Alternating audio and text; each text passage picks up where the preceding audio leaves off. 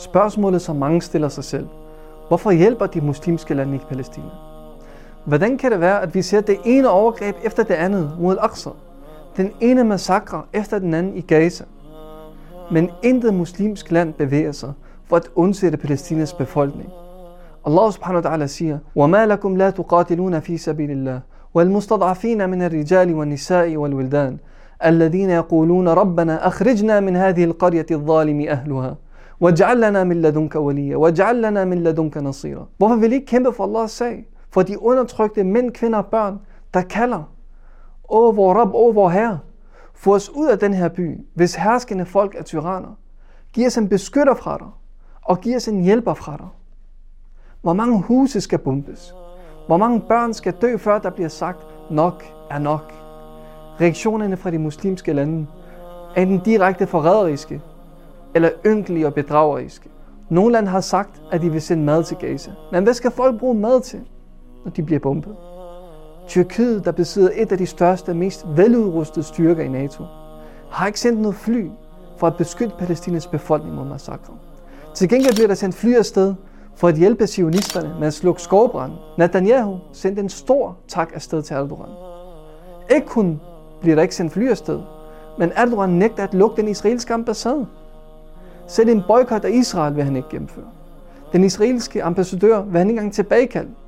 Kun tomme fordømmelser hører vi fra ham. Selv Bolivia har kommet med stærkere respons. Iran, der påstår, at den er Israels største modstander. Den lover gengældelse, hver gang sionisterne angriber den.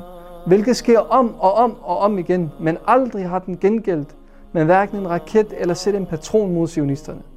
De eneste, som Iran har gengældt imod, har været den syriske befolkning.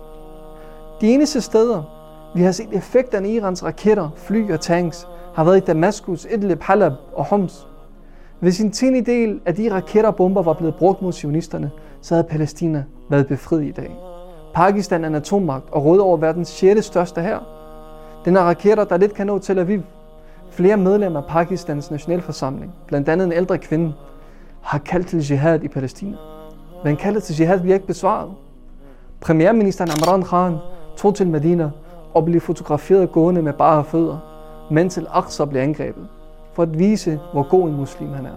Her er vi nødt til at spørge, tog Salah ad-Din til Medina for at gå med bare fødder, for at befri Jerusalem fra korsriderne? Eller marcherede han med hæren mod Palæstina? Tomme fordømmelser har regenterne kommet med.